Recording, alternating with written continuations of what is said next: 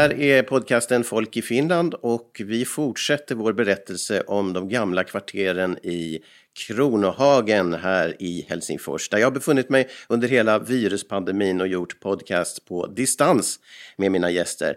Och nu är vi jätteglada att få ha med oss en riktig Kronohagenkännare och en av Nordens främsta historiekännare överlag, nämligen Herman Lindqvist. Välkommen med! Tack, tack! Och din relation till Kronohagen här i Helsingfors, vilken är den nu? Ja, det är så att när jag var två år gammal så eh, fick min, tillträdde min pappa en tjänst på Svenska beskickningen som på staden i Helsingfors på Norra Esplanadgatan. Och där bodde jag i 19 år. Och under hela den tiden, och det ligger ju egentligen i Kronohagen, och hela den tiden så gick jag ju Kronohagens folkskola. Och, eh, så de flesta av mina skol och klasskamrater och sådana var från trakten kring och i Kronohagen. Så att hela min första barndom upplevde jag i Kronohagen. Vad är dina minnen av den här stadsdelen? Barndomen var ju ganska eh, kall och, och, mörk och så, för det var ju åren genast efter andra världskriget. Ja.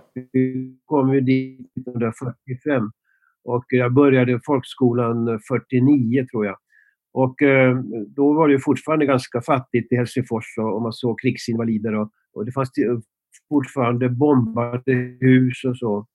Och eh, min skolväg från eh, Esplanadgatan upp för Helenegatan upp för eh, Snellmansgatan till Kronhagens folkskola. Ja. var ganska lång för en liten parvel. För det var precis lite för kort för att man skulle få skolkort på spårvagnen.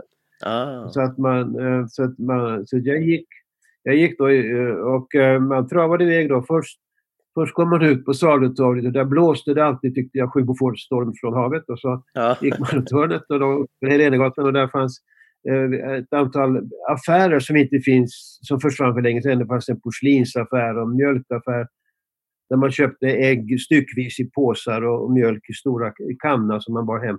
Då kom man upp på Stor Senatstorget som det hette och det var en imponerande syn varje gång. Eh, och så kom man upp eh, på Snellmansgatan och passerade statyn på Snellman som ju då var en imponerande herre där han satt och stirrade barskt ner på oss.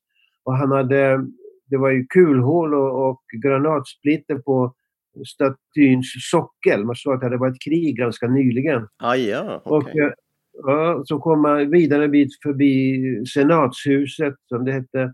Och det var helt igenbommat och förstört då också. Och så gick man vidare.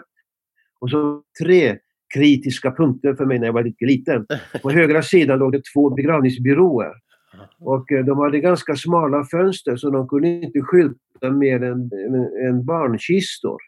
Så där stod en sån här vit barnkista som en gräddbakelse med, med spetsar på. Oh, det var väldigt obehagligt att titta på så jag tittade rakt fram. Om man då tittade till vänster så passerade man ett sjukhus där. Och då hade mina elaka bröder sagt att den svarta röken från sjukhuset, det var när de brände Eh, folk som hade dött i farliga sjukdomar. Oh, de brände armar och ben på folk som de hade sågat av. Oj. Och det, det, var ju alltid svart rök som kom ur det där sjukhuset, så det var väldigt dystert.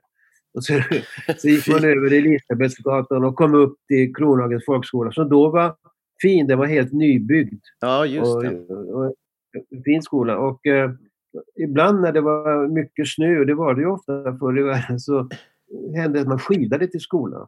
Jag skidade på, uppe på den snövall som gjordes vid trottoar och gatukanten, fast en hög snövall. Man skidade uppe på den hela vägen upp till eh, med, med avbrott för gator och så, ända upp till skolan och så ställde man upp skidorna mot skolväggen och gick in och de stod ju kvar när man kom ut igen på den tiden. Okej, okay. så är det inte numera kan vi säga då. Det, Nej. det, det känns... ja. Men den där sjukhuset, det är antagligen lustigt nog, det måste vara där som, jag tror att det är historiska institutionen som är där numera.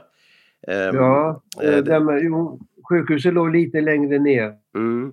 Uh, historiska institutionen ligger där också numera, det stämmer. Ja. Jag var där och hälsa på. Ja, just det. Granne med så kom också dit. Eh, Journalisthögskolan har flyttat dit också för tio år sedan. Jaha, aha. Eh, en ny byggnad. Ja, men vad spännande. Och eh, vi har ju pratat om eh, Mariegatan 7 och där hade du också någon, eh, några minnen och koppling till det, lustigt nog också. Ja, är det Borgströmska huset? Ja, precis. Ja, just det. Borgströmska huset. Jo, jo. Jo, därför att det var, den hade redan då när jag var liten, en, den flaggade med Brasiliens flagga. Ja, just det. Ja, så det var en av de första flaggor jag lärde mig, att den var lite exotisk med jordgloben på. Ja. Och eh, familjen Borgström, eller familjerna Borgström, eh, några pojkar gick i min klass. Eh, Anders Borgström var klasskamrat och någon som heter Henrik tror jag också. Ja, just det. Eh, Släktnamn ja. går igen. Och, och, eh, och, jag kände till dem från Östersundom gård sen i, i Nyland. Men äh, den där backen ner där, ner mot äh, Alexandersgatan från huset ner. Det var en, det var, hade en fin trottoar, asfalterad. Och äh, vi, när jag var sådär 8, 9, 10 år så hade vi en liten hemlig klubb i presidentens slott. I källaren på slottet. Där. Eh, eh, därför att jag hade klasskamrater vars föräldrar var anställda på slottet. Ja, just det. Och där byggde vi låd, lådbilar som var mycket populärt då. Av faner och sådär. Men vi hade inte pengar att köpa riktiga hjul så vi sågade hjul av trä. Från, en, från stockar liksom. Ja. Och eh, så satte vi ihop den där bilen och så baxade vi upp den till Mariegatan, där nummer sju. Och rullade ner för, i rasande fart och då det här trehjulet Eh, gned sig mot en treaxel så det började ryka väldigt. Det, det, såg väldigt. Det såg väldigt tufft ut. Det såg ut som man... rykande ner på gatan. Men hastigheten blev ju inte så hemskt hög, men det var ganska hög. Och så gjorde man så var det en hårnålskurva 90 grader in på Alexandersgatan ner till den här polisstationen där. Aha. Den militära. Så att eh, vi tränade mycket på den där backen och försökte finslipa bilarna. Ja, okej. Okay. Och du har ju också berättat i en, en av dina senare böcker om eh, vår, ja, Finlands stora, stora man egentligen som också har bott i det där huset vad jag förstår. Ja, just det, Mannerheim. Ja, han, han, just det, han bodde där. Eh, och han hade ju gjort ett stort intryck på mig från när jag var liten. Jag var ju med om hans begravning. Asså, jag var, just det. Jag var sju, och åtta år och eh, varjung i scoutkåren Spanarna. Och eh, det var en smällkall dag den februari när han begravdes och eh, vi stod uppställda hela vägen från kyrkan till Sanduds begravningsplats så stod det ju spaljer av soldater och scouter och studenter och sådär. Ja. Och vi scouter vi stod på Esplanadgatan nära Svenska Teatern. Och, eh, och han kom rullande där. Det var ett otroligt starkt intryck på en sjuåring. Ah. Så Mannerheim fanns väldigt som en ande i alla hemmen. Alla klasskamraters, nästan alla klasskamrater hade en bild på Mannerheim hemma ja. på väggen eller på ett skrivbord. Och alla mammor och mormödrar var kära i Mannerheim. Ja. Och, eh, så han, var, så han, var ju, han var ju en riktig gentleman. Så, ja. så, eh, så politiskt sett så, så antingen var Mannerheim då en husgud, alltså fullt i samma klass som Jesus eller så. Och sen fanns det, plötsligt så hade jag radikala vänner som sa att han var en riktig mördarslaktare och så. Ja. Eh, så att det var en väldigt blandad bild man hade av honom. Men under hela min uppväxttid var han en, en, stor man och det är han fortfarande för mig. Jag har skrivit en bok om honom. Ja, precis. Och där nämner du ju det här med Mariegatan 7.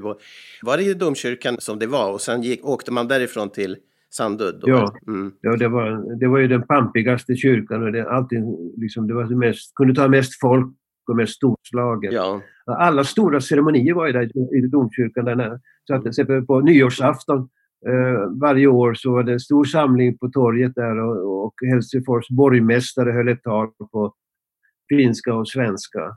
Och, eh, jag hade ju Esplanadgatan och varje gång man öppnade dörren så kunde man ju se årstiderna växla på Salutorget. Och ja. När jag var riktigt liten så stod det en så lång rad med hästar rakt framför porten Aha. på torget. Alltså de stod på torget med, med nosarna vända mot uh, ambassaden. Ja. De hade sådana säckar hängande över huvudet med, med hö i.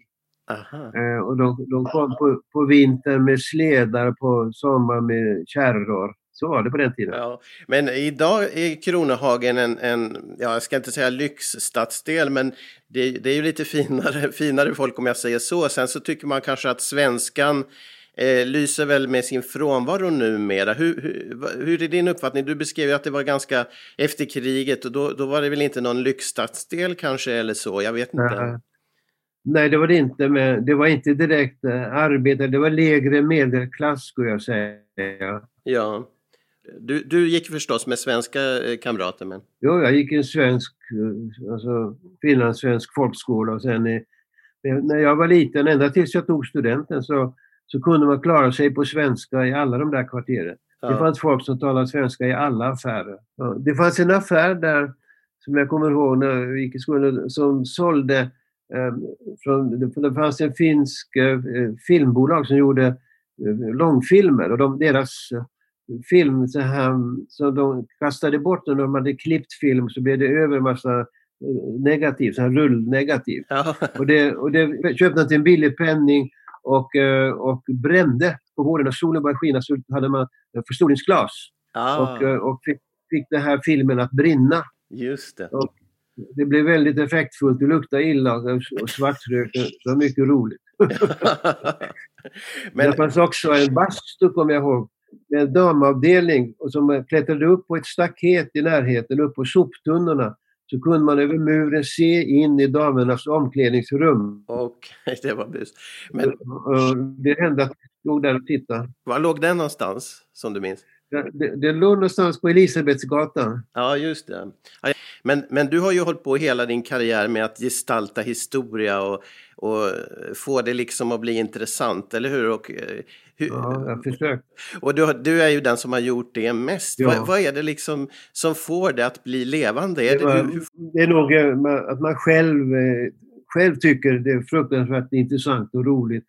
Och har varit, jag har också varit med om mycket. Ja. Jag kan berätta om Paasikivi. Han var rolig för att president Paasikivi var en ganska gammal man och närsynt och, och, och lite sådär eh, eh, gick och mumlade för sig själv. På den tiden så fanns det väldigt lite, det fanns ju ingen terrorism eller något sånt. Nej.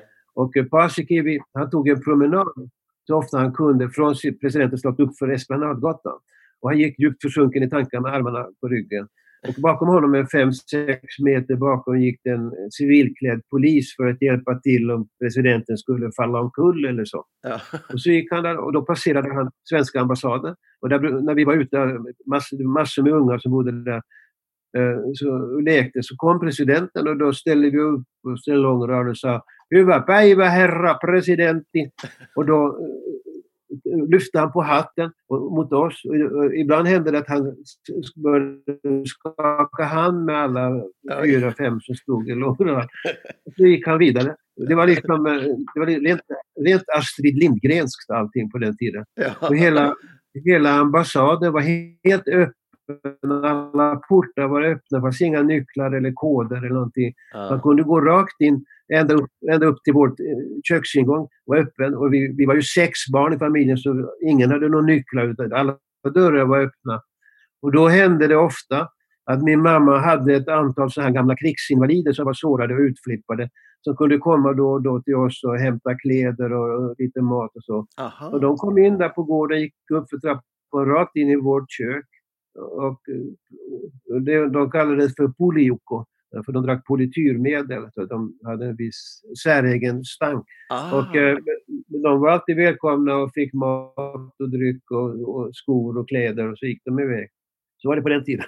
Ja, vilka, vilka fina minnen. Och, eh, tack så mycket Herman. Du, ska du, vad har, din senaste bok, vill du säga någonting om den för att locka någon lyssnare? Ja, jag ska se vilken du menar. Dels har jag skrivit en bok som kommer i september. Aj, vad spännande! Ja. Som, är, som är hela Sveriges historia. Eh, från, så var de första 14 000 åren. Det är från istiden ända till och med Greta och pandemin. Så är det liksom en, är det av alla dina böcker en sammanslagning eller vadå? Ja, nästan. Men det, det, är alltså helt omskriven hela historien. Så att, ja. det har kommit så mycket ny forskning i modern tid med DNA. Ja. Så man, man vet mycket mer om de första inbyggarna och invandrarna, hur, varifrån de kom och hur de såg ut. Till exempel att de var mörkhyade, svarthåriga, hade blå ögon. Ah. Eh, sådana saker har man ju fått fram på DNA. Mm. Eh, och man kan se varifrån våra första jordbrukare kom, att de hade sina rötter i, i Mellanöstern. I dagens Syrien, Turkiet någonstans. Aj, vad spännande. de, var också, de var också mörkhyade. Så att det finns eh, massor nya saker som man kan skriva, skriva om historien med. Ja, okay. Och sen har jag... Eh, fått med också hela tiden efter andra världskriget. För min senaste bok i den här stilen slutade efter andra världskriget. Ja, just det. Uh, när kommer den? Den kommer i september. Då ska vi hålla uh, ögonen öppna och utkik efter den. Vad spännande. Herman, tack så mycket för att du har bidragit till vår podcast om Kronohagen. Tack ska du ha. Och lycka till och ha det bra. Tack så du ha. Det var roligt att vara med. Hej, hej. Du lyssnar på podcasten Folk i Finland och vi har just talat med Herman Lindqvist, författaren, journalisten och historikern som i höst kommer ut med en bok om hela Sveriges historia, 14 000 år, en omskriven historia.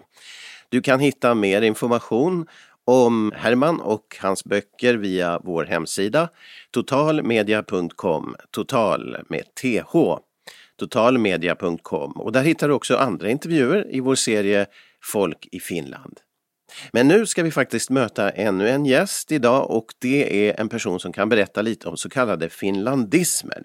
Finlandismer är ju ord i Finland på svenska som är specifika för just Finland.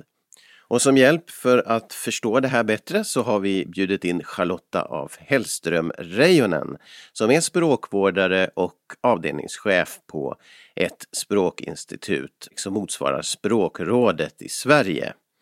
Det är Institutet för de inhemska språken. Och nu har vi en gäst från Helsingfors och det är Charlotta af Hellström Reijonen som är expert på språk. Välkommen hit! Tack! Vad är alltså en finlandism? Eh, det är alltså ett ord eller en fras som används bara i finlandssvenskan eller som används i en annan betydelse än i Sverigesvenskan eller som används mycket mera i finlandssvenskan än i Sverigesvenskan. Det behöver inte vara koppling till finska språket för att vara en finlandism. Det var, det var det som jag har trott hela tiden. Nej, det behöver inte vara det, men det är väldigt ofta. Det är, I majoriteten av fallen är det så att finskan finns i bakgrunden. Ja, precis. Men finlandismer, är det vanligt eller är det sådär lite sällan? Du håller ju på med en ordbok då om finlandismer, så att den, den kanske är ganska omfattande, eller hur blir det? Eh, jag vet inte riktigt hur omfattande den här ordboken jag nu jobbar med kommer att bli, men, mm. men, men som jämförelse kan vi väl ta finlandssvensk ordbok som är alltså modern finlandssvenska, den andra är ju historisk då. Mm. Uh, och den här finlandssvensk ordbok har, har jag skrivit tillsammans med Mikael Reuter som ju är ett känt namn inom området. Ja, en känd, kändisspråkvårdare kan man säga. Eh, ja. Precis, och i den finns det då 2500 ungefär uppslagsord. Mm.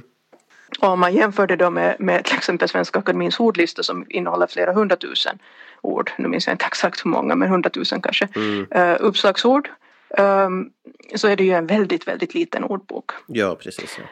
Med, och, och, jag har till exempel gjort uh, undersökningar av uh, tidningsspråk.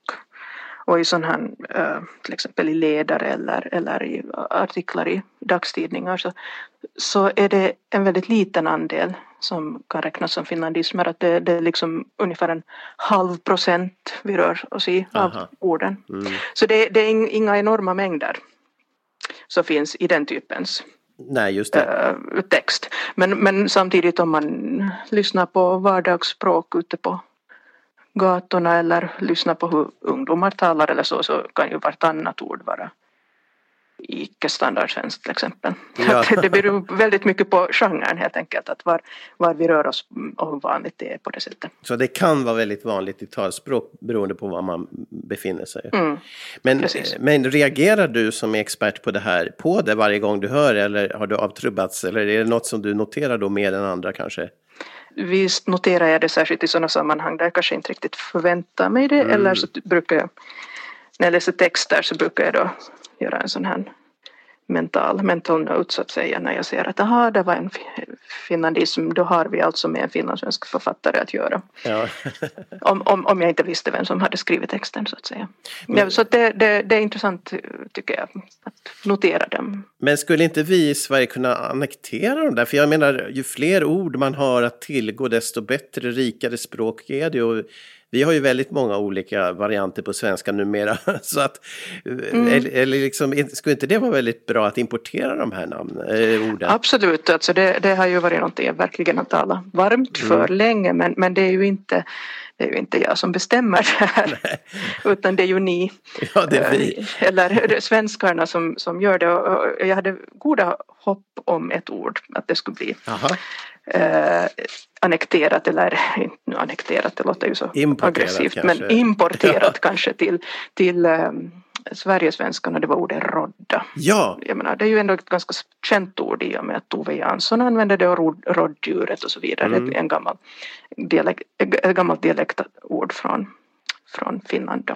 Det tråkiga är ju att så kom den här road in. Just. Och, och ställde till det hela. Så att nu finns det då två olika typer av eller två olika användningar av ordet rodda och det ena är då det finlandssvenska att man roddar, det vill säga stökar till och gör det, gör det mindre städat. Mm. Och så har vi den där andra där man roddar med någonting för att man är en roadie eller gör ungefär så som en roadie gör, det vill säga ställer i ordning, det vill säga det motsatta man ordnar med det ena eller det andra. Men det kan vara ganska snårigt med roddarna, som vi kallar dem då, roddarna, för det är de som jobbar då med konserter och mm. bygger upp och det är sladdar som går. Det kan nog vara ganska roddigt ofta också när de gör det. Så att eh, det, det finns det kan det säkert vara. men, men eh, vi använder det i Sverige till jag... båda, båda alltså, det finns ju, förekommer ju att man använder också för stökigt i Sverige numera. Du har lyckats lite tycker jag.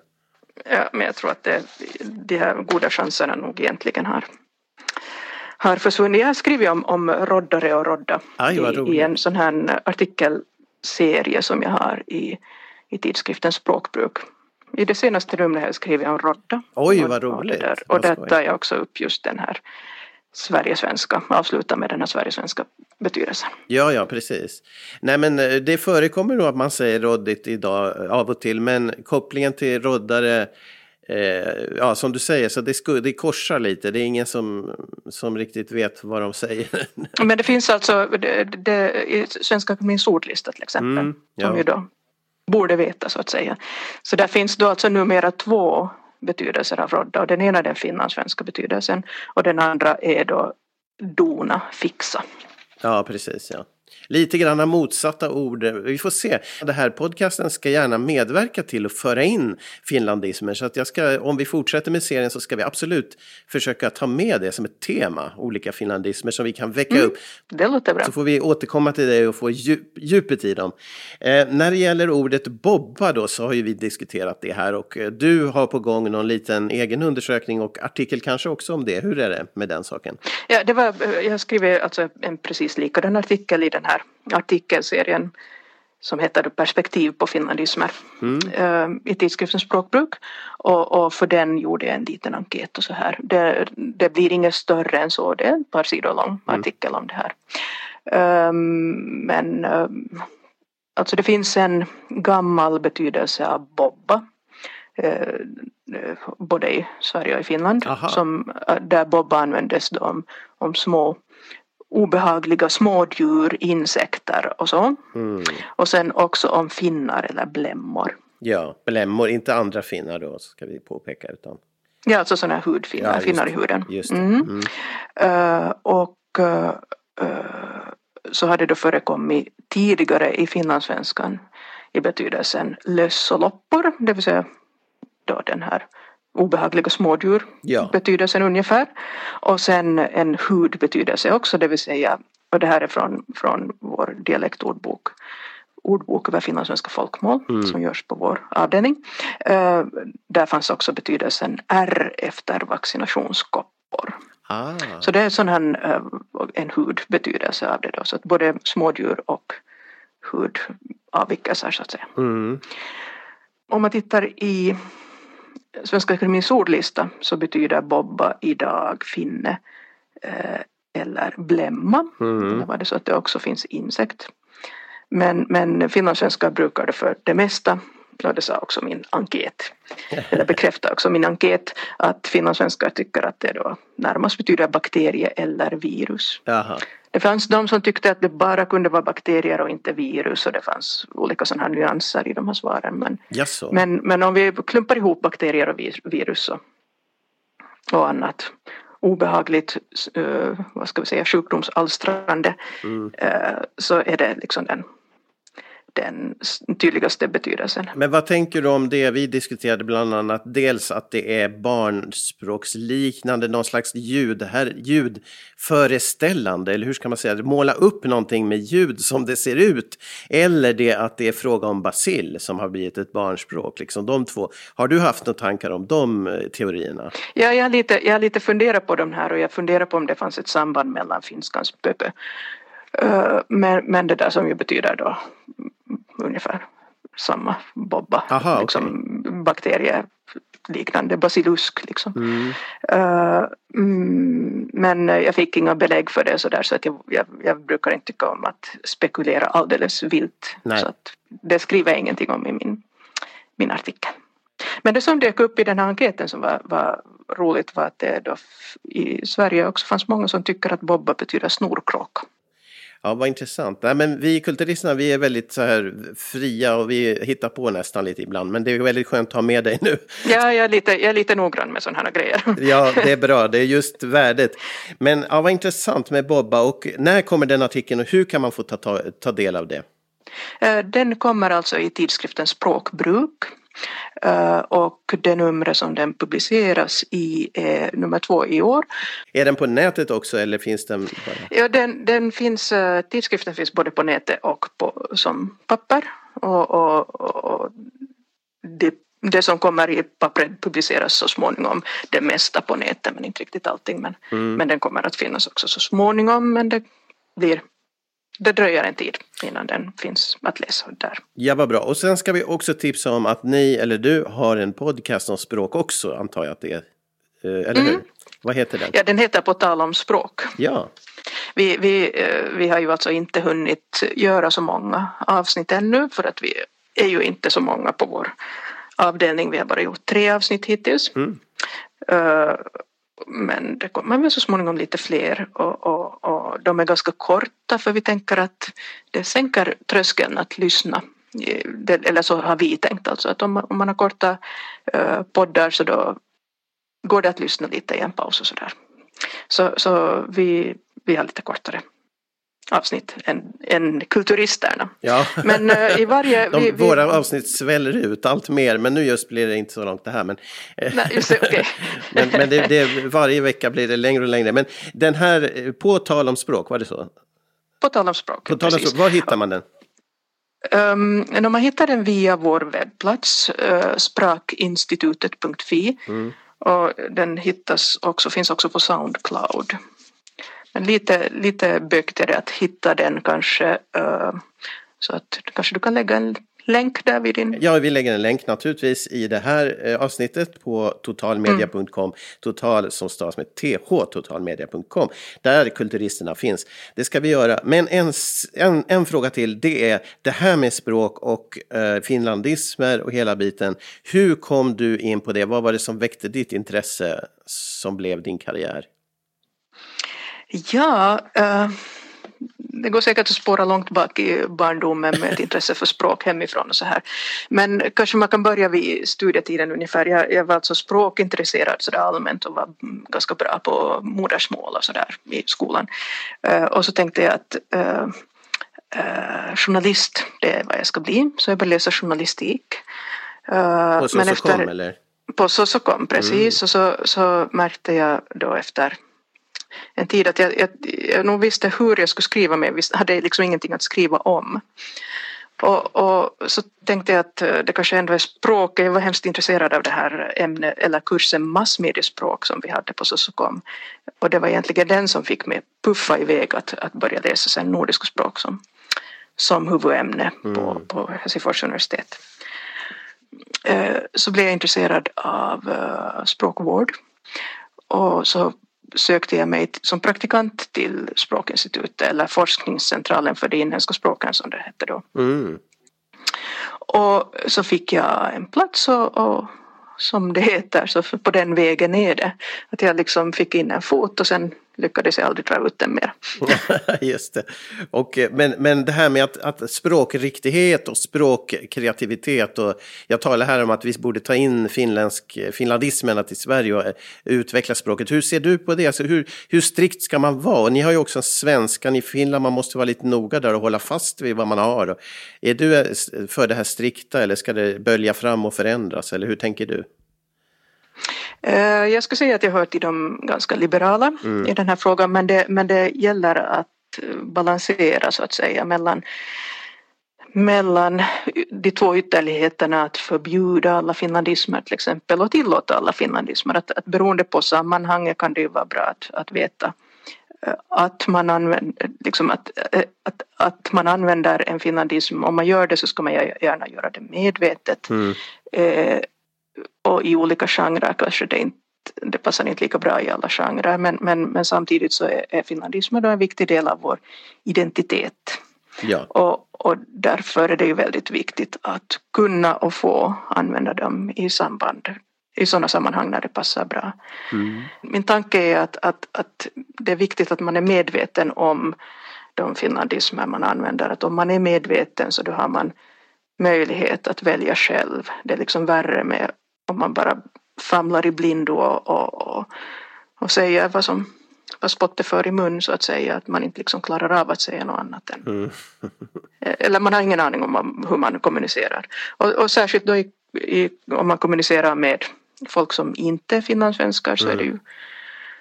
Eh, eller svenskar särskilt från Sverige så är det ju viktigt att, att inse att vissa ord kan vara problematiska särskilt sådana här semantiska finlandismer som betyder någonting annat. Mm. Det är skillnad på eh, själv och ensam lite grann, de två. Men det är inte finlandism på det men... Nej, det kanske inte. Men, men ett, ett pre, problematiskt, ja men problematisk uh, semantisk skillnad eller betydelseskillnad. Mm.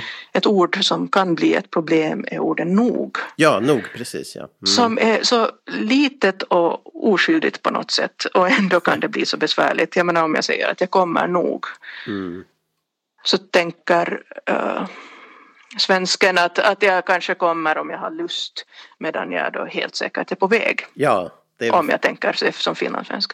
Men, men det är också viktigt om man tänker på eh, kommunikation med andra så kan det ju också vara bra då att tänka på att, att en finlandssvensk, om jag använder ett visst ord på ett standardsvenskt sätt så kan ju en finlandssvensk missförstå mig. Ja visst. visst alltså. Så det, det, liksom, det gäller ju att kunna kommunicera i bägge riktningarna eller, eller om man som uh, nylänning använder ordet hämta. Mm i betydelsen ta med sig och, och en, uh, till exempel en österbottning tror att det betyder att jag ska komma dit och ta det med mig tillbaka. Ja. Den som gör den standardsvenska mm. betydelsen. Så det kan liksom bli besvärligt med, ja. Och lämna, det, det lämna kvar är ju samma, lämna. Ja, precis. Också de här orden har jag skrivit om i min artikelserie. Vad spännande, vi måste titta mm. på den. Och ehm, eh, det var jättekul och lärorikt att få tala med dig nu Charlotta. Och eh, vi ska gärna återkomma, vi ska försöka göra ett tema på finlandismen. Så kan vi återkomma till dig när vi har samlat på oss några och diskutera dem kanske. Om vi får möjlighet. Ja, det kanske vi kan göra. Ja, ja. Okej, okay. tack så mycket och lycka till. Ja, tack. Hej då.